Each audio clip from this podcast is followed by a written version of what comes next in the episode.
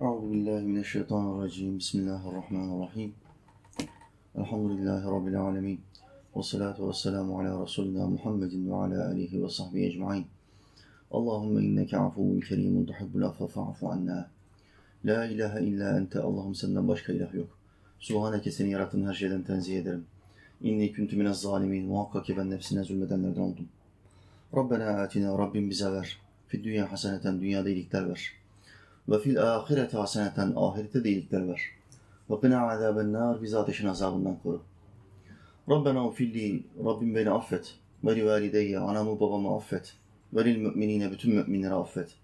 Yevme yegumul hisab o şiddetle hesap gününde. Rabbi eûzu bike min hemedâti şeyatîn. Rabbim vaaz vereceğim. Şeytanların dürtmelerinden sana sığınırım. Ve eûzu bike rabbe yahdurun. Ve onların yanımda hazır bulunmalarından da sana sığınırım. Rabbi şrahli sadri. Allah'ım şu göğsüme çok genişlik ver. Ve yessirli emri. Yapacağım şu güzel işi bana kolaylaştır. Ve ahlul ugdeten min lisani. Şu dilimdeki düğümü çöz Allah'ım. Yefkahu kavli ki insanlar kelimelerimi çok kolay anlasın. Amin ya mu'in bi hurmeti Taha ve Yasin. Yerleri ve gökleri aletsiz yaratan Allah'ımıza yaratıklarının nefesleri adedince hamdü senar olsun. O Allah ki Adem'in Allah'ı, Şiit'in, İdris'in, Nuh'un Allah'ı, Hud'un ve Salih'in Allah'ı, İbrahim'in, Lut'un, İsmail'in Allah'ı, İshak'ın, Yakub'un ve Yusuf'un Allah'ı, Eyyub'un Allah'ı, Şuayb'ın, Musa'nın ve Harun'un Allah'ı, Davud'un, Süleyman'ın, İlyas'ın ve Elyasa'nın Allah'ı, Yunus'un, Zekeriya'nın, Yahya'nın ve İsa'nın Allah'ı ve adı dört kitapta övülmüş olan Efendimiz Muhammed'in Allah'ı sallallahu aleyhi ve sellem. Allah'ımızın bütün peygamberlerine selam olsun. Rabbim nasip ederse bu akşam size birkaç ayet okuyacağım. Ve birkaç hadis-i şerif okuyacağım. Sohbetin hülasası kadınların erkekler üzerindeki hakları, erkeklerin kadınlar üzerindeki hakları, evlilik, aile. Hülasası bu. Hocam niye yani aile konusuna girmemiz gerekiyor muydu? En önemli, en temel mesele zaten aile. Aile biterse hayat biter. Aile biterse ahlak biter, namus biter. İman, din kalmaz. İşte batıya bakın. Eşcinselliği pompaladılar. Flörtü pompaladılar. Zinayı pompaladılar. Evlilik masrafına girmeyin, zina edin dediler. Gençliğini kaybettiler. Nesiller bitti. Parayla asker tutuyorlar şimdi. Askerlerin hepsi paralı. Vatanı için ölecek bir tane adamları yok. Bir tane gençleri yok. Hepsi ihtiyar. İhtiyar nüfus çoğunlukta. Genç nüfus çok az. Dolayısıyla asker yapmak için orta yaş e, ve üzerini parayla tutuyorlar. Lejyonerler diyorlar bunlara. Parayla askerlik yaptırıyorlar. Bizi de bu hale sokmak istiyorlar. Biz kaybettik gençliği. Türkler de, Müslümanlar da kaybetsin. E, Nasıl yapabiliriz bunu? Bir, aileyi bitirmemiz lazım. Evliliği uzaklaştırmamız lazım. 40'tan sonra, 35-40'tan sonra evlendirme yapmamız lazım bu insanlara. Ki yeni nesil türemesin. E, Nüfuza katkı sağlayamasınlar. 35'ten 40'tan sonra evlendiğimiz zaten çocuk da yapmıyorlar. Dolayısıyla nesiller yaşlanacak. Aileyi bitirirlerse İslam'ı bitirirler. Dini bitirirler. Nüfuzu bitirirler. Ülkeyi ve bağımsızlığı bitirirler. Dolayısıyla bunun üzerine savaşlar veriliyor. Bunun üzerine çalışmalar yapılıyor. Bunun için bizim bu aileyi tanımamız lazım. Yani niye bu aileye ihtiyacımız var? Bu evliliğe neden bizim ihtiyacımız var? Neden Batı evlenmemizi istemiyor? Genç yaşta evliliği Batı istemiyor. 35-40'tan sonra bakarsın diyor. Ya İslam ne diyor? 18 oldun mu? 20 oldun mu? Hemen kafanda sadece bir şey olacak. Tek bir şey. İş kurmam lazım. Zengin olmam lazım. Ne zaman arabam olacak? Değil. Bir genç adam askerliğini bitirir bitirmez kafasında bir tek şey olması gerekiyor. Nasıl evlenebilirim? En kısa kestirme yoldan nasıl evlilik yapabilirim? Bu evliliği genç yaşta yapacaksın ki nüfusa katkın olsun, vatana katkın olsun, millete katkın olsun, İslam'a katkın olsun. 30'dan 35'ten sonra hem beğenemiyorsun, hem armudun sapı, üzümün çöpü diyorsun. Ben onun orasını beğenmedim, 25 görüşme yaptım hocam, onun gözü iyi değildi, bunun saçının rengini beğenmedim. O konuşurken dilini geveliyordu falan filan. Küçücük meselelerden 25 görüşme yapmış genç kardeşim. Yaş 32. Artık biliyorsunuz evlilik görüşmeleri 30'dan sonra başlıyor. Evet, ülkemizde şu anda evlilik ortalaması 29-30 yaş oldu. 22 olması lazımdı bunun. Kardeşler 29-30 yaş şu anda Türkiye'de evlilik yaşı. Rezalet. Bu bir rezalet. Tabii 30'dan sonra evlilik görüşmelerine başlayınca her biri 20'şer görüşme yapıyor. 20'şer farklı kızla ve erkekle görüşme yapıyor. Onun buyunu beğenmedim, bunun şunu beğenmedim diye küçük küçük meseleleri kafalarında takıyorlar. 35'ten önce evlenemiyorlar. 35'te evleniyor. Sonra hamile de kalamıyor. Kız o kadar dar giyinmiş ki gençliği boyunca hamile de kalamıyor. Erkek de yemiş e, kanserli gıdaları, yemiş kanser, yemiş iğneleri. O da üretemiyor. Sperm miktarı düşük. 35'ten sonra evleniyor ve çocukları olmuyor. Sonra ne yapıyorlar? Kedi besliyorlar. Köpek besliyorlar. Eve köpek alıyorlar. Kuş alıyorlar. Çocuğumuz yok ama bu köpekten de aynı lezzeti alıyoruz. Bize yalan yapma be. Ya bize şekil yapma be. Tabii ki İslam hayvan sevgisini emrediyor zaten. Hayvanlara zarar vermek, insana zarar vermek gibi cezası var. Ama hayvanı insanın önüne koymayı da reddediyor. İnsan bütün hayvanlardan üstündür. Hatta insan cinlerden ve meleklerden bile üstündür. Bırak hayvanları. Böyle bir varlıktan bahsediyoruz. Kur'an'ın deyimiyle eşrefi mahlukat, yaratılmışların en şereflisi. Ama dünya üzerinde şu anda çok büyük bağımlılıklar var kardeşler. En büyük bağımlılık ne? Telefon bağımlılığı. En büyük bağımlılık. İki, içki bağımlılığı. Öyle bağlamış ki içkiye, içkisiz yapamıyor. Üç, zina bağımlılığı. Evlenmek hiç istemiyor çünkü zinaya bağımlı. Bu. Zina bağımlılığı. Dört numara, hayvan bağımlılığı. Hayvan bağımlılığı diye bir şey var mı hocam? Tabii. Hayvanları o kadar çok seviyorlar ki, hayvanlarına o kadar çok bağlılar ki evlenmiyorlar bile. Ben bir erkekle evlenmeyi düşünmüyorum. Evimde iki tane köpeğim var. E, Bunların sevgisini bölüş, bölüştürmek istemiyorum. Bir erkekle bunu bölüşemem. Bu Allah'ın istediği bir şey mi? O hayvanları Allah sevesin diye ve sana hizmet etsinler diye yarattı. Aşık olasın ve kocandan, nesilden, insanlıktan üstün tut- tutasın diye değil. Bak sınırı aştı. Haddi aştı. Atına aşık olmuş adam. Atına aşık. Bir kısmına binesiniz diye, bir kısmını yiyesiniz diye hayvanları sizin emrinize veren odur. Ayetini hiç okumadı. Hiç okumadı. Hayvanların bir kısmına biniyoruz, bir kısmını da kesip yiyoruz. Etinden, sütünden faydalanıyoruz. Derisinden faydalanıyoruz. Bunu Allah bize verdi. Şimdi sen ne yapıyorsun? Faydalanman gereken hayvana aşık oluyorsun ve hayat gayesi ediniyorsun. Bu bir bağımlılıktır. Hayat gayesi edinmenin ölçüsü ne? İnsanın önüne koymak. Ben evlenmeyi düşünmüyorum çünkü bu hayvanların sevgisi bana yeter. Ne dersem yapıyorlar. İnsanlar böyle değil. Ya sen küçük bir tanrıcılık oynamak istiyorsun demek ki. Ne dersen yapacak olan varlıklara emirler yağdırıp istediğin şekilde onlarla oyun oynuyorsun. Bir oyuncak gibi oynuyorsun. Sen küçük bir tanrı rolündesin. Allah rolünü yapma. Hayvanlara karşı da olsa Allah rolünde oynama. Allah adamı çarpar. Allah kadını çarpar. Sen kulsun, o da kul. Kula karşı sakın tanrı rolünü oynama. Allah çarpar. Bir bakarsın İslam'a düşman olmuşsun. Hayvansever, hayvanseverlikten İslam düşmanlığına. Bu evrim nasıl oluyor hocam bu? Bu kadın daha düne kadar namaz kılıyordu. Bir hayvanseverlere takıldı. Aa 6 ay sonra bir baktım İslam'a küfür ediyor. Sosyal medya hesabında. Nereden oldu bu evrim? Nereden oldu? Hayvanlara tapınmaya başladı, tanrıcılık oynamaya başladı. Allah çarptı. Siz çarpılmak dediğiniz zaman kafanızda tek bir şey var. Sekiz olacak böyle. Aa çarpılmış bu. Hayır hayır. Çarpılmanın büyüğü bu, bunun çarpılmasıdır. Kalp çarpılması.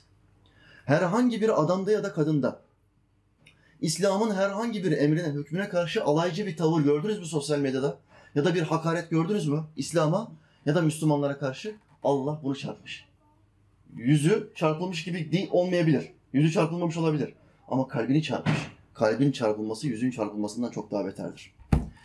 Allah bir insanın kalbini çarptığı zaman İslam'a hakaret etmeye başlar. Sosyal medya hesaplarında. Hakaret edenleri görüyorsunuz. Ülkede kanun yok. Ülkede koruyucu, bağlayıcı hiçbir şey yok. Küfrediyorlar. Ne oldu? Çarpıldı. Allah çarpıldı, çarptı onu ve e, kalbindeki İslam'a olan muhabbeti, sevgiyi çekip aldı. Artık bir İslam düşmanı. Şekilli, şukullu bir İslam düşmanı. Allahu Teala bu insanlara hidayet versin. Bu sebeple bu ayetleri, hadisleri okumamız lazım ki aile nedir? Karı koca hakları nelerdir? Bunları bilelim. Euzu billahi mineşşeytanirracim. وَلَهُنَّ مِثْلُ الَّذ۪ي عَلَيْهِنَّ بِالْمَعْرُوفِ وَلِلرِّجَالِ عَلَيْهِنَّ دَرَجَةٌ وَاللّٰهُ عَز۪يزٌ حَك۪يمٌ Sadakallahul azim. Muhakkak Allah'ımız doğru söyledi. Mevla şöyle buyurdu. وَلَهُنَّ مِثْلُ الَّذ۪ي عَلَيْهِنَّ بِالْمَعْرُوفِ Erkeklerin kadınlar üzerinde hakları olduğu gibi kadınların da erkekler üzerinde hakları var. Bakın Allah Teala'nın sözüne. Biliyorsunuz İslam öncesinde kadın dünya üzerinde bir meta, bir mal, kullanılıp atılabilen bir elbise gibi, bir eşya gibi, bir mal olarak görülüyor. Kadınların dünya üzerinde hiçbir dinde ve kültürde hiçbir hükmü yok. Aşağılık varlıklar, ikinci sınıf varlıklar ve erkekten aşağıdalar. Kalite olarak, öncülük olarak erkekten aşağıdalar. Her zaman emir almak zorundalar. Hiçbir hakları yok. İslam geldiği zaman ne yaptı? İslam gelmeden önce Arap kavminde bile böyleydi. Kadına bakış böyleydi. Bir eşya gibi kullanıyorlardı kadınları. Hiçbir hakları, seçim hakları yoktu. Fakat İslam geldi. Halifemiz Ömer radıyallahu anh bu konuyu anlatırken diyor ki kadınlar da biz Arap toplumunda aşağılık varlıklardı. Onlara hiçbir hürmet saygı yoktu. Ta ki Allah Teala Hazretleri bu konuda ayeti kerimeler indirinceye kadar. Kadınlar hakkında onların haklarını koruyucu ayetler indiği zaman biz kendimize çeki düzen verdik. Ve artık onlara hürmet ve saygı göstermeye başladık. İslam halifesi Ömer radıyallahu anh böyle buyuruyor. İşte Allah dengeyi sağlayabilmek için, erkek ve kadın arasındaki dengeyi sağlayabilmek için zaten dünya kurulalı beri kadınlar erkekler tarafından ezilmiş vaziyetteler. Kadınlar kullanılmış vaziyetteler, köle olarak görülüyorlar. Hiçbir seçim şansları yok. Allah Teala ne yaptı? Ben bunu dengeleyeceğim dedi ve Muhammed Aleyhisselam'ın ağzından bu ayet-i kerimeleri, Kur'an ayetlerini insanlara bildirdi ve kadınlara bazı haklar tanımaya başladı. Şimdi Mevla Teala diyor ki sizin elbette kadınlar üzerinde haklarınız var. Bir evlilik yaptığınız zaman eşiniz üzerinde ya da kız kardeşiniz üzerinde, anneniz üzerinde bazı haklarınız var. Ama bugüne kadar size söylenmemiş olan bir şey var. O kadınların da sizlerin üzerinde hakları var. Şimdi ben size bunları bildireceğim diyor Allah Teala Hazretleri. Bu hakları Müslümanların İslam'a tabi olmuş olan Müslümanların en çok korktuğu şeylerden bir tanesi nedir? Kul hakkına girmeme. Şimdi dışarıda ticaret yaptığın insanın kul hakkına girme konusunda korkun tereddütün var da hayatını paylaştığın eşinin hakkına girme konusunda niye tereddütün yok? Niye korkun yok? Hayatını paylaştığın karın bu. Yarın öbür gün senden alacağı kul hakkı öyle bir nispette büyüyecek ki annenden bir tık sonraya çıkacak. Karının sendeki kul hakkı. Annen ve babandan bir tık sonraya. Bir tık altta karıda, kadın hakkı. Kadının koca üzerindeki hakları var. Çünkü hayatın boyunca sana bu kadın eşlik etmiş, isteklerini yerine getirmiş ve sana hizmet etmiş. Senin çocuklarına annelik yapmış. Bu hakkı ödeyemezsin. Bunu ben size bildireceğim diyor Allah Teala Hazretleri. Dolayısıyla biz Müslümanların dışarıdaki yabancı arkadaşlarımızın, dostlarımızın, ticari ortaklarımızın kulu hakkına özen gösterdiğimiz gibi ve bundan daha fazla en çok zaman geçirdiğimiz insanın da bizde en çok hakkı olan insanın da karımızın da hakkını riayet etmemiz lazım. Yoksa ahirette bir bakacaksın amel defterine. Ya benim namazlarım vardı Allah'ım. Aa zekat. Zekat verdim ben dersene. Ya Rabbi yok burada. Zekatım burada yok. Mevla Teala ne buyuracak? Onların tamamının sevabını ben karına verdim. Çünkü sen ona çok çile çektirdin. Çok sıkıntı çektirdin. Çok hakkına girdin, zulmettin. Zulmettiğin için senin sevaplarını karına yükledim. Ahirette bunu söyleyecek. Bunu söyletmemek için dikkat edeceksin. Hayatın içindeki bütün insanların haklarına dikkat edeceksin. İki tarafında birbirleri üzerinde hakları vardır. Şimdi kadınların da erkekler üzerinde hakkı vardır diyor Allah Teala Hazretleri. Devam etti. وَلِلْرِجَالِ عَلَيْهِنَّ darace. Erkeklerin hakları bir derece üstündür. Kadınların haklarından bir derece üstündür. Neden? Hocam erkeklerin hakları kadınların haklarından bir derece üstün. Yani erkek kadından üstün anlamına gelmiyor mu bu? Hayır. Erkek kadından üstün anlamına gelmiyor. Erkekle kadın haklar konusunda eşittir. Erkeğin bir derece fazla olmasının sebebi Allah'ın erkeğe daha fazla sorumluluk yüklemesinden dolayıdır. Bir, cihat kime farz? Savaş. Ülkemizi bir ordu işgal etti. Kime farz? Kadınlara mı farz savaşmak? Bize mi farz? Erkeklere, erkekler kadınlarını güvenceye alacaklar. Gıdalarını karşılayacaklar. Sonra cepheye gidecekler, savaşacaklar. Erkeğe farz. İki, evin bütün geçimini sağlamak. Evin bütün ihtiyaçlarını gidermek, aile bireylerinin bütün geçimini sağlamak. Erkeklere mi farz, kadınlara mı farz? Beş vakit namazdan sonra çalışmak, Müslümanlar üzerine farzdır diyor Efendimiz Aleyhisselam. Bak beş vakit namaz bir farz. Hemen onun akabinde çalışacaksın ve helal rızık, helal gıda sağlayacaksın. Helal gıdayı sağlayamadığın zaman namaz, oruç falan hepsi boş olur.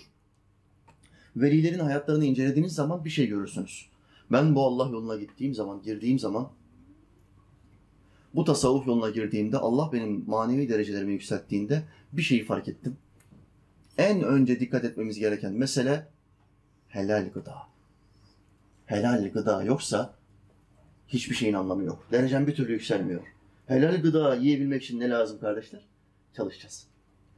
Evin geçimini Allah kime yükledi? Erkeğe yükledi. İmamlık vazifesi kimde? Kadının kadına imam olması bile mekruhtur. Biliyorsunuz. Allah Teala Hazretleri e, kadınlara peygamberlik verdi mi? Vermedi. Neden? Çünkü din eksik. Kadınlarda din eksik. Peygamberlik e, vermedi, hayız halleri var. Nifas halleri var. Bundan dolayı peygamberlik vermedi. Velayet verdi mi? Kadınlara velayet var. Veli, veliye kadınlar, alime kadınlar çok. İslam tarihinde çok. Ama peygamberliği onlara vermedi. Bakın sorumluluğu kime daha fazla yüklüyorsa onun hakkı bir derece daha fazla oluyor. Şimdi iki ortak ortaklık yaptığı zaman dışarıdan gelenler birisine patron diye hitap ediyor. İki ortaktan birine patron diye hitap ediyor. Kim patron olur? İki tane ortak e, ticaret yaptığı zaman sorumluluğu hangisinin daha fazlaysa, iş kovalaması hangisinde daha fazlaysa ve kasa kimdeyse ona patron denir. Sorumluluk kimdeyse onun bir derece fazla hakkı vardır. Evlilik de bunun gibidir. Bir kadınla bir erkek evlendiği zaman sorumluluk erkeğe yüklendiği için prensip olarak İslamiyet'te Muhammed Aleyhisselam'ın taksimini hatırlayın. Ey Fatıma, evin iç işleri senden sorulur. İç işleri sana aittir. Evin bütün ihtiyaçlarını, iç işlerini, temizliğini, bakımını sen yapacaksın, yemeğini sen yapacaksın. Kocanla ilgileneceksin. Ya Ali, evin dış işleri ve bütün getirisi sana aittir. Bu senin sorumluluğundur. Bu İslam'ın temel olarak ortaya koymuş olduğu bir prensiptir. Kadının çalışması haram değil. Şartlar yerine getirildikten sonra kadın çalışabilir. Ama ben çalışmak istemiyorum diyen kadını bir erkek çalıştıramaz. Çalıştırırsa mesul olmuş olur. Büyük günahkar olmuş olur. Çünkü bakmak zorunda olan erkektir. Bundan dolayı Allah Teala Hazretleri e, erkeğe bir derece fazla hak sahipliği tanımıştır. Fizik gücümüz ve psikolojik dayanıklılığımız. Bütün dünya kurulu bile insanlar takdir eder ki dışarıda ekmek getirme, çalışma, fiziğini kullanma ya da e, psikolojik dayanıklılığını, sabır gücünü kullanma erkektedir. Bu sorumluluk dünya kurulu İslam'dan önce bile böyleydi. Dünya kurulalı beri böyle olduğu için Allahü Teala Hazretleri erkeğin hakkını kadınlardan bir derece fazla yapmıştır. İslam düşmanlarının çokça saldır, saldırmış olduğu ve mealcilerin de Müslüman görünümlü peygamber düşmanı hadis inkarcılarının da çokça, çokça saldırdığı bir hadis-i şerif vardır. Muhammed Aleyhisselam buyurdu. Aklı ve dini eksik olanlar içinden sizden fazla akıl sahiplerine galip olanları, olanları görmedim. Bu bir hadis-i şeriftir, Müslim hadisidir. Kime söylüyor bunu? Kadınlara söylüyor. Aklı ve dini eksik olanlar tabirini kim için kullanıyor? Kadınlar için. Şimdi kadınlar bunu duyuyor. Allah'ın peygamberi kendileri hakkında aklı ve dini eksik tabirini kullandı. Hemen soruyorlar. Ey Allah Resulü bizim hakkımızda dediniz ki aklı ve dini eksik olanlar. Erkekleri kullanıyoruz. Erkeklere galip geliyoruz. Çünkü kadınlarda manipüle yeteneği var. E, zihinlerini, zekalarını öyle bir kullanıyorlar ki erkekler onlardan daha güçlü olmalarına rağmen, kasayı tutmalarına rağmen sonuçta kadının dediği oluyor. Erkek diyor ki ben burada olduğum sürece bu evde yeni bir halı olmayacak. Aa 6 ay sonra halı değişmiş. Bakın kadında para yok. Kadında kasa yok. Evin reisi erkek. İslam reisliği erkeğe verdi. Kur'an diyor ki erkekler kadınları üzerine yönetici ve koruyucudurlar. Bir, yönetici. iki koruyucudurlar. Allah'ın erkeğe kadına karşı vermiş olduğu bir sorumluluk. Bir, yöneteceksin onu.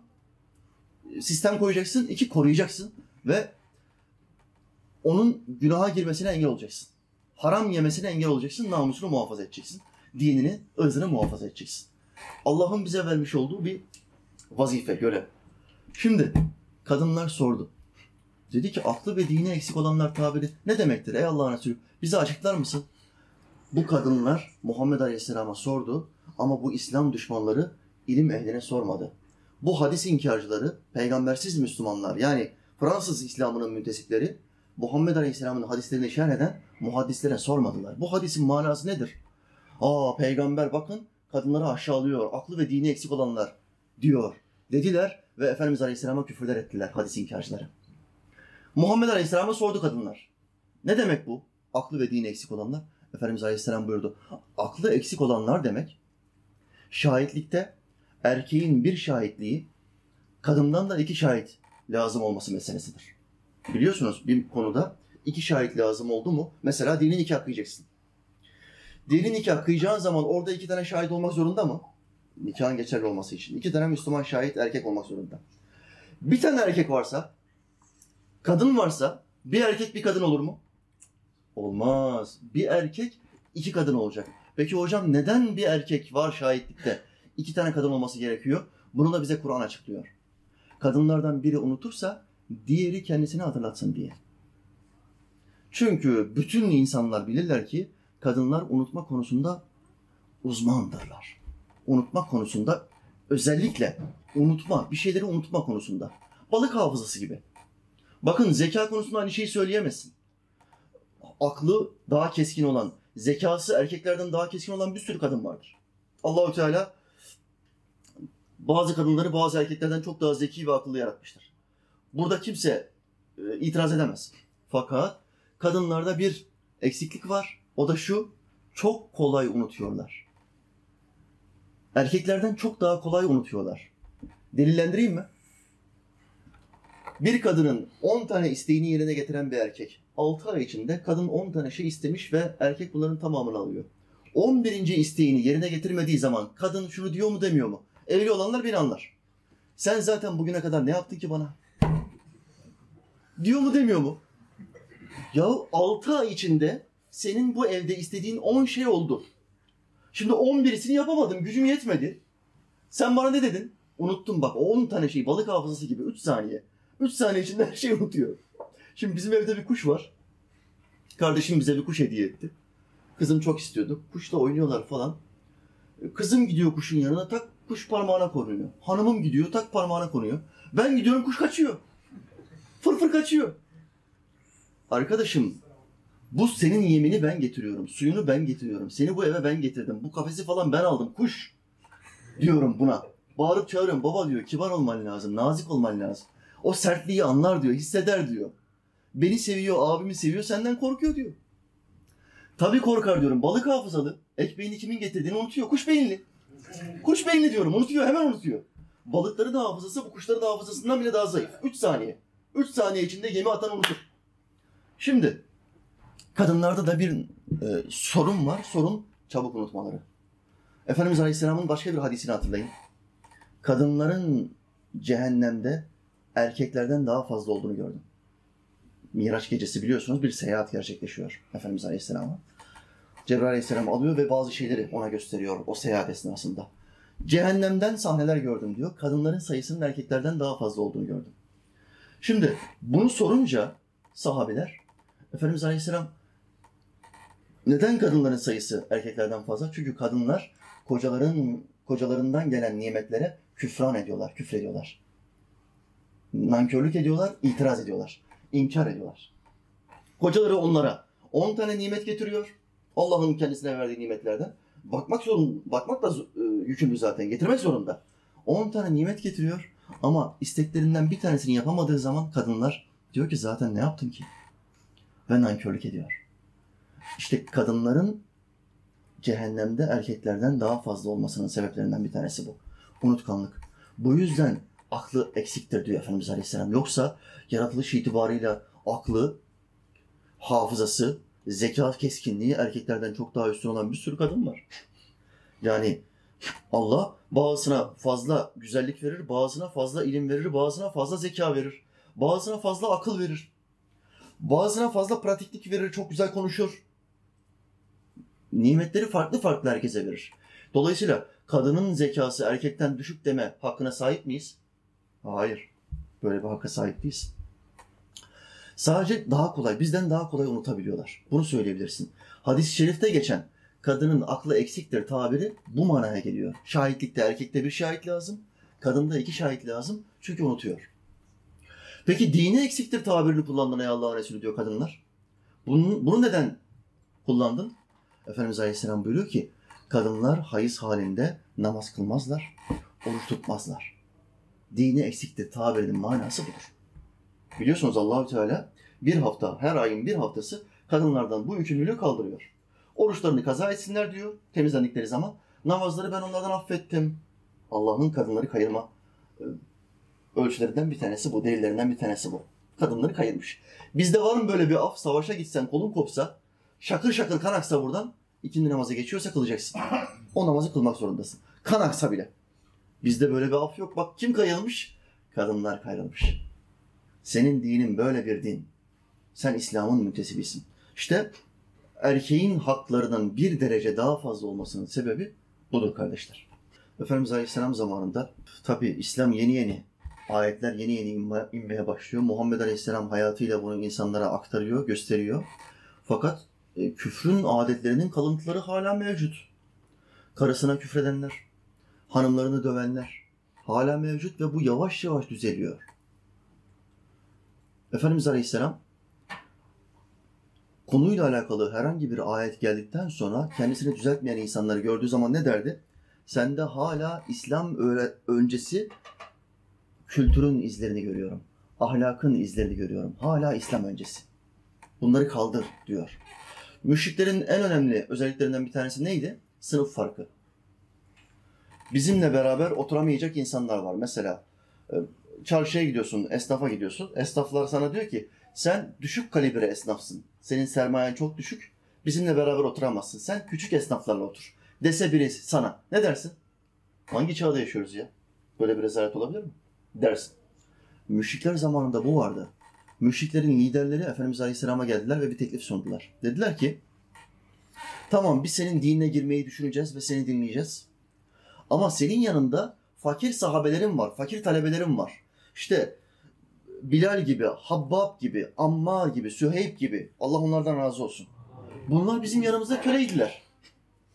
Bizim emrimiz altında çalışan işçilerdiler bunlar. Kölemizle, kölelerimizdi. E şimdi senin, senin yanına biz geldiğimizde bunları da aynı mecliste otururken görürsek bu olmaz. Bizim şerefimize yakışmaz. Sen bunları biz geldiğimiz anda yanından kovarsan biz seni dinleriz.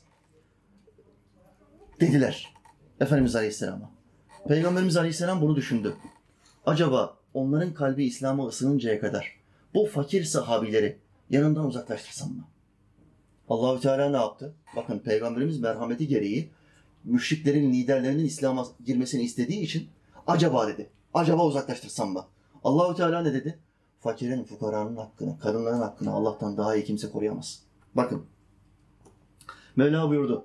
Rablerinin rızasını isteyerek sabah akşam ona dua edenleri yanından kovma. Yoksa sen de zalimlerden olursun. Şimdi bu fakirler diye aşağıladığın insanlar var ya senin. Rablerinin rızasını isteyerek sabah akşam onu zikrediyorlar, ona dua ediyorlar. Ve sen şimdi diyorsun ki zenginler gelsin, kuvvetliler gelsin, arkalarından binlerce insan Müslüman olur diye ben bu fakirleri yanımdan uzaklaştırayım. Kovma yanından onları diyor Allah Teala. Benim ihtiyacım yok zenginlere. Şimdi bu dinin sahibi sen değilsin ki sen benim peygamberimsin, hizmetkarımsın. Bu dinin sahibi benim, dünyanın sahibi benim, ihtiyacım yok benim zenginlere. Gelmesinler, Müslüman olmasınlar. Sen yeter ki sabah akşam Rablerinden dua ile yardım isteyenleri yanından kovma. Yoksa zalimlerden bir farkın kalmaz. Mevla Teala fakirin fukaranın hakkını korudu. İşte bu İslam'dır kardeşler. İslam hukuku, hakkı koruyan yegane dindir. Bu kadar İslam'ın hükümleri, bu kadar ayetler, hadisler neden var hocam dersen bütün emrettiği hükümlerin tamamı şu beş değeri korumak için gelmiştir. İslam herhangi bir konuda bir emirde bulunuyor mu? Senin hayatındaki beş tane değeri korumak için bulunuyor. Bu beş değer ne? Din, dinini korumak için Allah emir veriyor. Hayat, akıl, nesil, mal. Senin neslini korumak için Allah bazı hükümler vermiş. Malını korumak için Allah bazı hükümler vermiş. Zekatı niye veriyorsun? Malını pislikten, kirden korumak için veriyorsun. Bak Neden evlenmek zorundasın? Yani bir kadınla ilişkiye girebilmek için neden evliliği Allah bize farz kıldı? Namusunu, neslini korumak için Allah sana bunu farz kıldı. İslam'ın bütün hükümlerini bunlarla de- değerlendireceksiniz. Bu şekilde olaya bakacaksınız. Yoksa Allahü Teala bir ego tanrısı, bir ego ilahı değil. Bazı hükümler vereyim. Uyanları cennete koyayım, uymayanları cehenneme atayım. Bu hükümler anlamsız olsun. Böyle bir ilah yok. Allah'ımızın bizim yapmamızı emrettiği hükümlerin tamamı bizim iyiliğimiz içindir. Onun dediklerini yerine getirirsek kurtuluştan başka bir şey, muhabbetten, aşktan başka bir şey elimize geçmez kardeşler. Karı koca ilişkilerinde en önemli meselelerden bir tanesi cinselliktir. Cinsellik olmazsa evlilik olmaz. Zulmetmek demek yani bir erkeğin karısına zulmetmesi demek sadece onu dövmesi anlamına gelmiyor. Kul hakkının en büyüğü karısına vuran insanın girmiş olduğu kul hakkıdır. Efendimiz Aleyhisselam buyurdu. Hanımlarını dövenler sizin hayırlılarınız olamaz. Hayırlı olmazsa ne olur? Hayırsız olur. Kadınlarına vuranlar hayırlardan olamaz. Bundan dolayı Muhammed Aleyhisselam hayatı boyunca hiçbir eşine bir fiske bile vurmamış, bırak vurmayı, kötü bir tek söz bile söylememiştir. Muhammed Aleyhisselam'ın Kur'an ahlakı bizim için ölçüdür, yeterlidir. Şimdi zulüm olarak baktığın zaman sadece karısını döven adamlar zulüm yapmış değil. Karısının cinsel ihtiyacını karşılayamayan adamlar da zalimdirler. Bir adam hem eşcinsel hem de bir kızla evlenmek istiyor. Toplum baskısı, mahalle baskısından korktuğu için anası, babası, halası, teyzesi çocuğa baskı yapıyor. Çocuk eşcinselliğini gizliyor. Baskı yaptığı için bir kızla görüşme yapıyor. Tamam diyor evlenelim bunların ağzını kapatayım diyor. Kızla evleniyor. Ama kıza ilk gecesinde diyor ki ben eşcinselim. Sadece baskıdan kurtulmak için seninle evlendim. Haberin olsun. Sen bunu ilk gecede söylemeyeceksin o kıza. Evlendikten sonra söylemeyeceksin. Evlenmeden önce söyleyeceksin. Çünkü bu kızın hakkına girdin. Dövmekten, o kızı dövmekten daha büyük vebal, daha büyük kul hakkı nedir? O kızın, o kızın cinsel hakkını vermemektir. Kadının cinsel hakkı var, erkeğin cinsel hakkı var da kadının yok mu? Tabii toplum sadece erkeğin cinsel, erkekler sadece erkeğin cinsel hakkından bahsediyor. Erkek beraber olmak istediği zaman kadın beraber olmak zorunda yoksa günahkar olur. Tabii ki günahkar olur. Peki kadın beraber olmak istediği zaman erkek beraber olmazsa ne olur?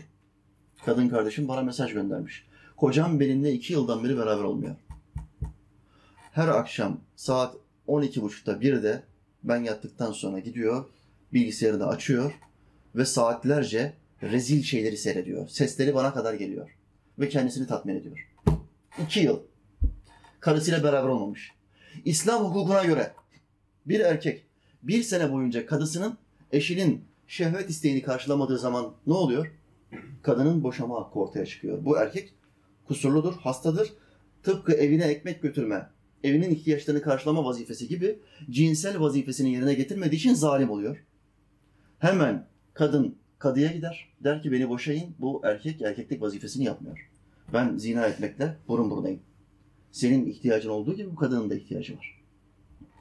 Kadın ne yapar? Tek celsede kadınla erkeği boşar. Ve erkeğin bir dahaki evlilik görüşmesinde bu kusurunu baştan söylemesi gerektiği konusunu evleneceği kişiye mecbur kılar. Mecbur kılar. İslam budur.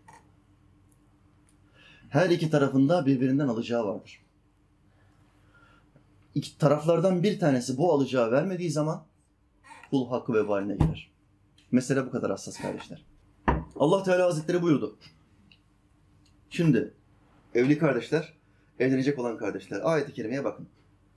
Kendileri ile huzur bulasınız diye sizin için türünüzden eşler yaratması ve aranızda bir sevgi ve merhamet var etmesi de onun varlığının delillerindendir. Sükun bulasınız, huzur bulasınız diye. Bu kadınları Allah bize niye verdi? Bu erkekleri kadınlara niye verdi? E, Sükun bulsunlar, huzur bulsunlar, mutlu olsunlar diye. İçimize bu duyguyu ko- koydu. Beraber olma, evlenme ve bir nesil üretme, nesil yetiştirme duygusu. Evlilik. Bu yüzden dünya kurulalı beri evlilik var. Kadın erkeğe muhtaç, erkek kadına muhtaç. Ama ayette dikkat etmeniz gereken bir nokta var. Aranızda bir sevgi ve merhamet var etmesi. Sevgi var etmesi ne demek? Kadınla erkek evlendiği zaman biliyorsunuz ilk üç ay boyunca bunlardan haber alamazsınız.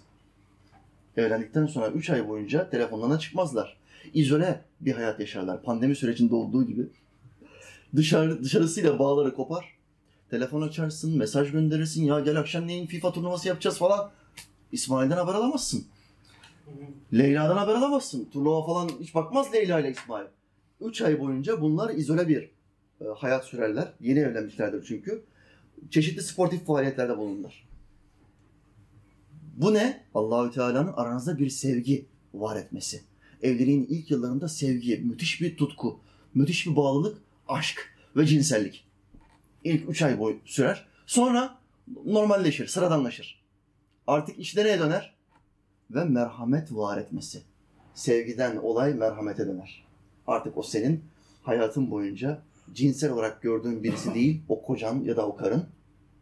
Artık senin yol arkadaşın. Yaşlandığın zaman bile e, karısını hastaneye götürüyor 60 yaşında ihtiyar amca ve başında bekliyor. 60 yaşında. Bu adamın bu kadından ne cinsel beklentisi olabilir ki? Bitmiş. 60. 60 bitmiş.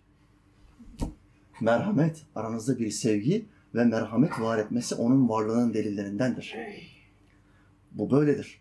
İşte sevginin temelini, evliliğin temelini cinsellik oluşturuyor. Taraflardan bir tanesi diğerine zulmetmeye başladığı zaman mesafe açılıyor. Karı koca arasındaki mesafe açılıyor. Kadının gözü başka tarafa gidiyor. Erkeğin gözü başka tarafa gidiyor. Zinalar, gırla, hemen boşanmalar ortaya çıkıyor. Görmüyor musunuz ülkenin halini? Son 10 senede boşanma miktarları evlilik miktarını geçti. Tarihte ilk defa. Bu ülkede boşanma miktarı evlilik miktarını geçti. İnanabiliyor musunuz? Bu bir rezalettir. Ahlak ve nesil bozuldukça bozuluyor. Durum çok kötü gidiyor. Efendimiz Aleyhisselam cinsellik konusunda kurmuş olduğu bazı cümleler var. Muhakkak bunları karı kocanın bilmesi gerekiyor. Bakın. Resulullah buyurdu Aleyhisselatü Vesselam. Kocası yanındayken onun iznini almadan bir kadının nafile oruç tutması helal olmaz. Ya hocam oruç bu yani. Kocaya mı soracak bunu? Farz oruçta kocaya sormak zorunda değil. Ramazan'da iki tarafta mecbur. Ama ben özel bir günmüş. Bugün kandil günü. Eşim eşime bir sorayım. Yarın tutmak istiyorum orucumu. İzin var mıdır? Yarın oruç tutacağım. Niye soruyor? Muhammed Aleyhisselam niye böyle söylüyor? Eşi yarın gündüz vakti beraber olmak isterse, rahatsa, işe gitmeyecek, dinlenecek, gündüz vakti eşiyle beraber olmak istiyor, karısıyla beraber olmak istiyor. Bu onun hakkı. Nafile oruçluysa kadın beraber olabilir mi? Olamaz. Kadının orucu bozulur. E, vebale de girmek istemediği için bu yüzden diyor ki Muhammed Aleyhisselam kadına sen oruç tutacağın zaman nafile oruç kocandan müsaade iste. Müsaaden varsa yarın tutacağım. Yoksa tutmayayım. De. Olay bu kadar hassas. Devam etti. Kadın kocasının izni olmadıkça evine hiç kimsenin girmesine izin veremez. Kocası karısının, çocuklarının ya da kendisinin ya da evinin zarar göreceğini düşündüğü bazı insanlar olabilir. Bu dünyada hep herkes dostumuz değil kardeşler. Düşmanlarımız da var. Yüzümüze gülen ama arkamızdan iş çeviren münafıklar da var. Fitne ehli. Bazı insanları kadının ailesinden ya da erkeğin ailesinden bazı insanları erkek evinde istemeyebilir. İstemediği zaman kadın dışarıdan seslendiklerinde, zile bastıklarında kocasının evine bu insanları sokmayacak. Kendisi istese bile sokmayacak. Bu kocanın kadın üzerindeki haklarından bir tanesi. Efendimiz Aleyhisselam buyurdu. Kişi karısını yatağa çağırdığı zaman bir özrü olmadan kadın gelmekten kaçınırsa, kocası da bu sebeple ona kırgın olarak gecelerse, melekler sabaha kadar o kadına lanet ederler. Buhari Müslim hadisi. Şimdi hocam kadınlar hakkında böyle bir tehdit var. Erkekler hakkında yok mu? Aynı tehdit erkek için de geçerli. Kadının, erkeğin karısı üzerinde cinsel hakkı var da kadının kocası üzerinde cinsel hakkı yok mu? Bu hak. Bu hak o kadar önemli bir hak ki biliyorsunuz İslamiyet'te kişinin kendisini tatmin etmesi caiz değil. Evli olsan bile bekarların tatmin etmesi caiz değil. Evli olanlarda bile bu hastalık çok zaman görülüyor. Bize her gün gelen 200'den fazla mesaj var. Evli kadın kendisini tatmin ediyor, kocasıyla beraber olmuyor. Evli erkek tatmin ediyor, kendisini mutlu ediyor, tatmin ediyor. Karısıyla beraber olmuyor. İslam'a göre bunların böyle yapmaları caiz mi? Hayır, kendini tatmin etmek demek, karının hakkını vermemek demektir. Kocanın hakkını vermemek ve zulmetmek demektir. Eğer eşinin o anda cinsel ilişkiye girme isteği yoksa, senin o anda böyle bir isteğin yoksa bile, eşinin böyle bir isteği varsa ve senden kendisini tatmin etmeni istiyorsa, nasıl istiyorsa onu o şekilde tatmin etmek zorundasın. Senin hiç isteğin olmasa bile bir erkek olarak. Ya hocam biz erkeğiz, isteğimiz olmadığı dönem olur mu? Ne olursa olsun olur. Hasta olduğun dönem olur. Fener'in dört yediği döneme gelebilirsin. Yani psikolojin bozulabilir. Moralin bozulabilir. Rakip takımdan 3-4 yediğin zaman moralin bozuk olur. Hiç hanımın ne isterse ya moralin çok bozuk şimdi seninle beraber olamam diyemezsin. Beraber olacak gücün yoksa, isteğin yoksa bile hanımın seni senden kendisini nasıl tatmin etmeni istiyorsa o şekilde tatmin etmek zorundasın. Ya o kendi kendisini tatmin etsin ben şimdi uğraşamam Fener moralim çok bozdu diyebilir misin? Hayır vebalde. İki tarafta suçlu olur. Kadın kendisini tatmin ederse, erkek kendisini tatmin ederse iki tarafta suçlu olur. Eşler birbirine karşı görevleri var kardeşler. Bu kul hakkıdır şaka değil. Erkek de karısı istemediği zaman karısına sırtını dönerse, karısı beraber olmak istedi. O gün onun şehveti var. Keyfi yerinde, mutlu, güçlü. Kocasıyla beraber olmak istiyor. Kocası da sırtını döndü. Aynı tehdit erkek için de geçerli. Buna, bunlara dikkat edeceksiniz kardeşler. Başka hadis-i şerif. Size cennetlik kadınları tanıtayım mı? Muhammed Aleyhisselam söylüyor. Kadın ve erkek cemaatine. Cennetlik kadınları tanıtayım mı size? Onlar bir hata ettikleri veya kocaları tarafından bir haksızlığa uğratıldıkları zaman kocalarına karşı seni hoşnut etmedikçe uyumayacağım diyebilen kocalarına düşkün kadınlardır. Kocalarının moralini bozdukları, hata ettikleri, kusur işledikleri, hakka girdikleri zamanlar olacak mı? Evli, evliysen, evleneceksen ya da evliysen kesinlikle bunları göreceksin. Olacak. Öyle kadınlar ki onlar cennetlik kadınlar. Yatmadan ben seni muhakkak razı edeceğim. Muhakkak. Sabaha benden razı olarak kalkacaksın. Diyen kadınlar cennetlik kadınlardır diyor Muhammed Aleyhisselam. Allahü Teala bekar kardeşlerimize böylesini nasip etsin kardeşler. Amin. Ben çok zengin istiyorum. Ben çok çekici, güzel istiyorum. Ben ateşli istiyorum. Biliyorsunuz yeni gençlerde ben ateşli istiyorum. Ateş demek tehlike demektir kardeş. Ateş demek her an patlayabilirsin demektir yani. Ateş perdeyi yakar, halıyı yakar, evini yakar, seni yakar, aileni yakar. Ateş tehlikeli bir şey. Sen merhametli, muhabbetli kadın iste. Aşklı kadın iste. Ateşli isteme. Ateşli te- Bütün ateşli kadınlar cehennemde. Hepsi cehennemde. Sen niye ateşli kadın istiyorsun? Erkeğin biraz zeki olması lazım, düşünceli olması lazım. Allahu Teala bu bizim insanlarımıza hidayet versin. Amin. Amin. Amin. Helal olan eşimizle ilişkiye girme konusunda helal olan taraflar olduğu gibi kardeşler, ilişkiye girmemizin yasak olduğu anlar da var. Hangi anlar bu? Kadınların bildiğiniz e, hayız hallerinde onlarla ilişkiye giremiyoruz. Onların dinlenme günleri. O dönemde ilişkiye girersen fidye ödemen lazım. Bir meblağı fakir fukaraya vermen lazım. Ki temizlendikten sonra onunla bir daha tekrar beraber olabilesin diye. Yoksa beraber olamıyorsun.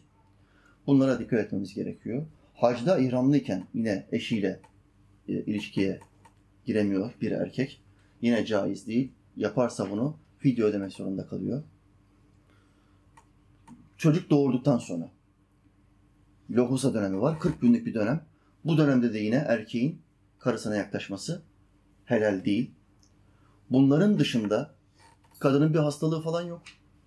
E, lohusa değil, hayız değil. Ama erkek beraber olmak istiyor. E, Kadın diyor ki istemiyorum. Bakılır. Hastalığı var mı? Rahatsızlığı var mı? Psikolojik olarak bir sıkıntılığı var, sıkıntısı var mı? Ya da çok güçsüz mü? Bazen çok çalışır gün içinde evin, evde ve çok güçsüzdür, bitkindir.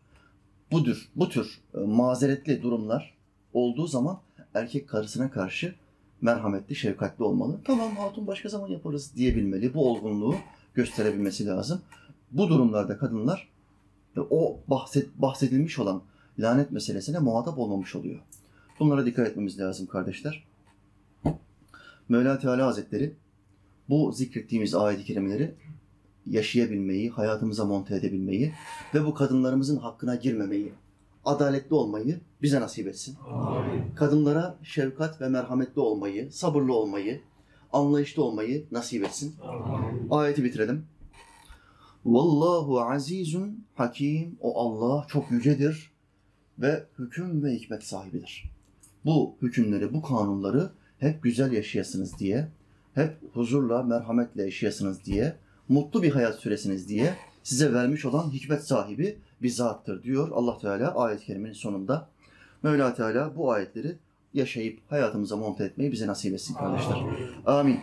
Bir hidayet mesajı okuyayım. Hem kapatalım. Kerem Hocam, 30 yaşında çalışan bir kadın muhasebeciyim. Yani dünyayı saran para hırsının hesabıyla uğraşıyorum. Bir zamandır sizin sohbetlerinizle hayatımın değiştiğini paylaşmak istedim. Önceden de İslam'ı araştırma ve elden geldiğince ibadetlerimi yerine getiren bir insan idim. Hem çalışıyor e, bu bayan kardeşimiz muhasebe işinde hem araştırmalarını falan da yapıyor. İslam'ı elinden geldiğince yaşamaya çalışıyor. Ama içimde noksanlık vardı. Bunu da biliyordum. Allahü Teala bizi insanları yarattığında içimize ruh denen bir mekanizma koydu. Ve bu ruh sadece bir şeyle tatmin oluyor. Parayla, yeme içmeyle, cinsel ilişkiyle değil. Bu ruh bir tek şeyle tatmin olur. Allah'a kulluk yapmayla. Onu zikretmeyle tatmin olur. Bunu yaptığın zaman ruh sükun bulur, huzur bulur. Ben evet ben bunun için yaratıldım der. Bu bizim yaratılış gayemizdir.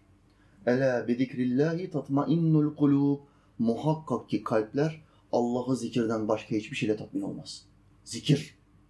Ela diyor. Başka hiçbir şeyle olmaz diyor. Kur'an ayeti. Dolayısıyla ruhumuzu ve kalbimizi sadece bu tatmin ediyor. Şimdi bu ablada çalışıyorum, kazanıyorum, para peşindeyim, devamlı koşturuyorum. Ama bir eksiklik hissediyorum diyor. İçimde noksanlık vardı. Bunu biliyordum hocam. Hakkari Çukurca'dan bir dostum bana Timurtaş Uçar Hoca Efendimiz'i tavsiye etti. Allah ona rahmet etsin. Amin. Benim vaiz olmamın sebebi Timurtaş Hocam'ın vaazlarıdır.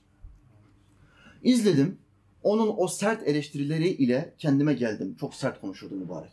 Yani o kadar İslam'a düşman olanların kuvvetli olduğu, zirvede olduğu bir dönemde çok sert, şiddetli konuşurdu. Zaten 40'tan fazla dava açıldı hocamız hakkında. Hepsinde de beraat etti. Elhamdülillah. Kendime geldim o eleştirilerle. O senin Allah'ın Avrupa mı? diye bağırdı. Böyle çok konuşurdu. Senin Allah'ın Avrupa mı? Senin Allah'ın Amerika mı? Diye bağırırdı boğazlarında. Gittim evdeki kot pantolonları çöpe attım. Bak ablaya bak ablaya. O kotların tamam. Kot nereden çıktı dünyaya kot? Amerika. Amerika. Amerika'da bütün o e, çiftçiler kot giyerler. Çiftçilerin tamamı kot giyer. Çiftçilerin giydiği pantolonu aldılar dünyaya lanse ettiler. Dünyadaki insanlar çiftçi modeli giymeye başladılar. Kot giyiyorlar. Gittim diyor bu bütün kotları attım çöpe. Sonra başka dostum rahmetli Abdülmetin Bal- Balkanlıoğlu hocamızı tavsiye etti. Allah ondan razı olsun. Amin. Çok sağlam bir hatipti. Onunla da feyiz aldım. Sıla-i Rahim'i uyanıp sadaka ile güne başlamayı ve ba- bazı konuları onunla pekiştirdikten sonra Sıla-i Rahim'i hocamızdan öğrenmiş. Sadaka vermeyi ondan öğrenmiş. Bak şimdi bu ablamız akraba ziyaretleri her yaptığında ya da sadaka verdiğinde sevabın bir misli kime gidecek? Bu kabrinde yatan hocamıza gidecek. Abdülmetin hocamıza. O kabrinde yatıyor. Kıyameti bekliyor. Ama birilerine bir şey öğretti ya, kalıcı bir bilgi öğretti. Kabrinde yatarken bile sevap kazanmaya devam ediyor. Bundan büyük kazanç yok. Sonra İhramizade İlim Yayma kanalını YouTube sağ olsun bana önerdi. YouTube be, sağ ol be. sağ ol be. Bak bizi önermiş oradan. Ve içimdeki o noksanlık sayenizde doldu. Hamdolsun. Elhamdülillah kardeşim. Bak üç tane hocayı bulmuş. Kalbine devamlı ilim, ilim, irfan, muhabbet, aşk, feyiz gelmiş. İçimdeki noksanlık bitti diyor. Ben tatmin oldum. Babam çaresiz biz bir hastalıkta olmasına rağmen sabrım genişledi. Anlattıklarınızı ailemle de paylaşıyorum ki onlar da inşallah uygulasın hocam. Müzik dinlemiyoruz. Haber dışında TV izlemiyoruz. Teknolojiyi gavur gibi kullanmayıp WhatsApp durumumda her gün bir ayet paylaşıyorum ki insanlar Kur'an'dan bir ayet öğrensin. Müslüman kardeşlerim bak bu muhasebeci abla tabii muhasebeci olunca matematikle parayla çok uğraşınca zekan normalden biraz daha yüksek oluyor. Bak zekaya bak. Müzik dinlemiyorum artık diyor. Yaptığı en önemli şey ne? WhatsApp durumunda ya da sosyal medya hesabında her gün bir ayet ya da hadis. Paylaş ya. Paylaş. Şarkıyı paylaşıyorsun, türküyü paylaşıyorsun, sanatçıyı paylaşıyorsun, çıplığı paylaşıyorsun, filmi paylaşıyorsun. Allah'ın bir ayetinde paylaş be kardeşim. Ya paylaşırsam şimdi hesabımda solcusu var, ateisti var, tepki almaktan korkuyorum. Yazıklar olsun sana be. Yazıklar olsun. Biz bu ülkeyi solcularla mı aldık? Biz bu toprakları ateistlerle mi aldık? Eşcinsellerle mi aldık? Deizlerle mi aldık? Biz bu toprakları bununla aldık, bununla. Başka bir şeyle almadık. Bu toprakları sen bununla, yani Kur'an'la fethettin. Şimdi Kur'an'ı zikretmekten içtinab ediyorsun, utanıyorsun. Mahalle baskısı yemeyeyim şimdi profilimdeki insanlar. Tepki almayayım. Yazıklar olsun senin imana. Yazıklar olsun. Kediler kemirmiş senin imanını. Bir tane ayet paylaşamıyorsun WhatsApp durumunda. Allah'ın bir ayetini paylaş ya. İnsanlar görsün. Muhammed Aleyhisselam'ın bir kelimesini paylaş, bir sözünü paylaş ya. Ne işe yararsın? Benim WhatsApp durumunda ne yazıyor biliyor musun? Yaratıcın için çalışmıyorsan ne işe yararsın? Yeme, içme, yatma, kalkma, cinsel ilişki bütün hayvanlarda bile var. E ben de insanım, ben de yiyorum, içiyorum, yatıyorum, kalkıyorum. E benim hayvandan ne farkım var ya? Yaratıcın için çalışıyorum. Benim farkım bu. Ben, beni yaratan kim? Onu tanıyorum, onu biliyorum. Ve onun dini yayılsın diye gayret gösteriyorum. İşte fark bu. Senin böyle bir amacın, gayen yoksa bu hayatta hayvandan hiçbir farkın yok. Hiçbir farkın yok. Bunu bir anla kardeşim. Bak bu abla anlamış. WhatsApp durumunda diyor paylaşıyorum. Kim ne derse desin. Hak Azze ve Celle. İş yerinde işlerimi hallettikten sonra ve hatta fatura işlerken de sizi dinliyorum. Kulaklığın bir tanesinde kulağında orada tık tık tık fatura işliyor, matematiksel hesaplar falan yapıyor ama kulak ve beyin devamlı ilim tahsil ediyor. Devamlı. Bu kadar basit bir şey. Artık ilim öğrenmek çok kolay. Teknoloji diye bir şey var ya. O dönsün o. O bilgiler, o ilim dönsün devamlı. Sen farkında değilsin. En lazım olduğun anda beyin arka taraftan, kütüphaneden yani hafızadan o bilgiyi çeker alır önüne getirir. Tam lazım olduğu anda fetva gözünün önüne gelir. Ve dersin ki bu haram, bu helal, bu caiz değil, bunu yapma, bir adım sonrası budur. Bak o bilgiler bir anda önüne gelir. Çünkü devamlı dinliyorsun. Farkında değilsin. Hocam sanki 5 dakika sizi izlemesem büyük kayba uğrayacağım gibi geliyor. Günlük yaşamda söylediklerinizi uyguluyorum. Şükür Arapçayı da öğrenip Kur'an okuyabilir hale geldim. Allah senden razı olsun ablacığım ya. İnşallah inşallah bir gün tanışırız seninle ya. Arapçayı öğrenmiş, Kur'an'ı orijinal metninden okuyor. Türkçe kelimelerle değil, orijinal metninde Allahça. Kur'an Arapça değildir. Kur'an Allahçadır. Kur'an okumasını öğrendiğin zaman Arapça olmadığını anlarsın. Allahça olduğunu anlarsın. Sizden Allah ile konuş, konuşmak isteyen kim varsa Kur'an okusun diyor Efendimiz Aleyhisselam. Onunla konuşmaya başlarsın. Bunu ancak Kur'an okuyanlar anlayabilir. Bu sözlerimi. Kur'an okumasını bilmeyenler ve öğrenmek istemeyenler beni anlayamaz. Mümkün değil. Ancak okuman lazım. Ee, şükür secdesini anlatan videonuzdan sonra namaza da başladım. Bak beş vakit namazın farz oluşunu anlattığım videolardan sonra değil. Şükür secdesi. Bu Müslümanların unuttuğu bir sünnettir. Efendimiz Aleyhisselam'ın başına bir nimet geldiği anda hemen Allahu Ekber deyip secdeye kapanırdı. Buna şükür secdesi denir. Unuttuğumuz sünnetlerden bir tanesi. Bu videomu izlemiş namaza başlamış kardeşimiz elhamdülillah. Sosyal medya kullanmıyorum. Devamlı zikir halindeyim. Ee, Arapçayı da okuyup Kur'an oku- okuyabilir hale geldim. Allah sizden, vesile olanlardan, anne babanızdan ve tüm ümmetten razı olsun hocam. Amin. Amin sevgili kardeşim, amin. Duanıza babamı da katın inşallah. Kardeşim ben e, anacığımı kanserden kaybettim. Bir buçuk sene yattı. E, Göğüs kanseri kemik kanserine dönüştü. Bütün vücudunu eritti. 35 kilo, 40 kilo öldü anacığım. Bütün günahlarını teslim etti, öyle gitti. Bir buçuk sene gözümüzün önünde eridi ve hiçbir şey yapamadık. Devletimiz yanında bütün ihtiyaçlarını karşıladı ama kimse kurtaramadı. Çünkü vadesi gelmişti. Çocuklar olarak biz elimizden geleni yaptık ama bu sıkıntının ne olduğunu ben çok iyi bilirim. Çünkü yaşadım, evimde yaşadım bunu. Allahü Teala babana şifalar ihsan etsin. Amin. Şu anda ülkemizin ve dünyanın neresinde hastanede yatan, inleyen bir Müslüman kardeşimiz varsa Allah'ım Şafi ismiyle tecelli etsin. Amin. Tüm ümmetten razı olsun Allah'ım. Duanıza babamda katın. Allah ahirette de bu ümmeti birlik eylesin hocam. Amin ya muin sevgili kardeşim. Mevla Teala işlerinde seni asan etsin, kuvvetlendirsin. ilmini arttırsın ve seni kadın bir İslam davetçisi yapsın. Amin. Biliyorsunuz İslam davetçiliği sadece biz erkeklere mahsus olan bir şey değil. Bu kadınların da e, davetçilere ihtiyacı var. Kadınların kadınlara hizmet etmesi lazım. E bunlar için de insanların yetiş- yetişmesi gerekiyor. Bu yüzden dua edin Allah bize kadınlara ve erkeklere aynı anda ilim öğretebileceğimiz büyük bir yer nasip etsin ki İslam davetçileri yetiştirelim. Bak bu abla uzaktan talebemiz olmuş ve kendini devamlı geliştiriyor. İnşallah binlerce insana vesile olur. Amin ya mu'in. Kardeşler, Allah hepinizden razı olsun. İlim meclisimize geldiniz. Şeref verdiniz. Şimdi hemen ilk gelen kardeşlerle birer resim çekileceğiz. Ondan sonra yatsı namazını beraber kılacağız inşallah. Sonra dağılacağız. Allah'ım hepinizden razı olsun. Ben buna karşı sizden bir ücret istemiyorum. Benim ücretim ancak beni yaradana aittir. Velhamdülillahi Rabbil alemin. El Fatiha.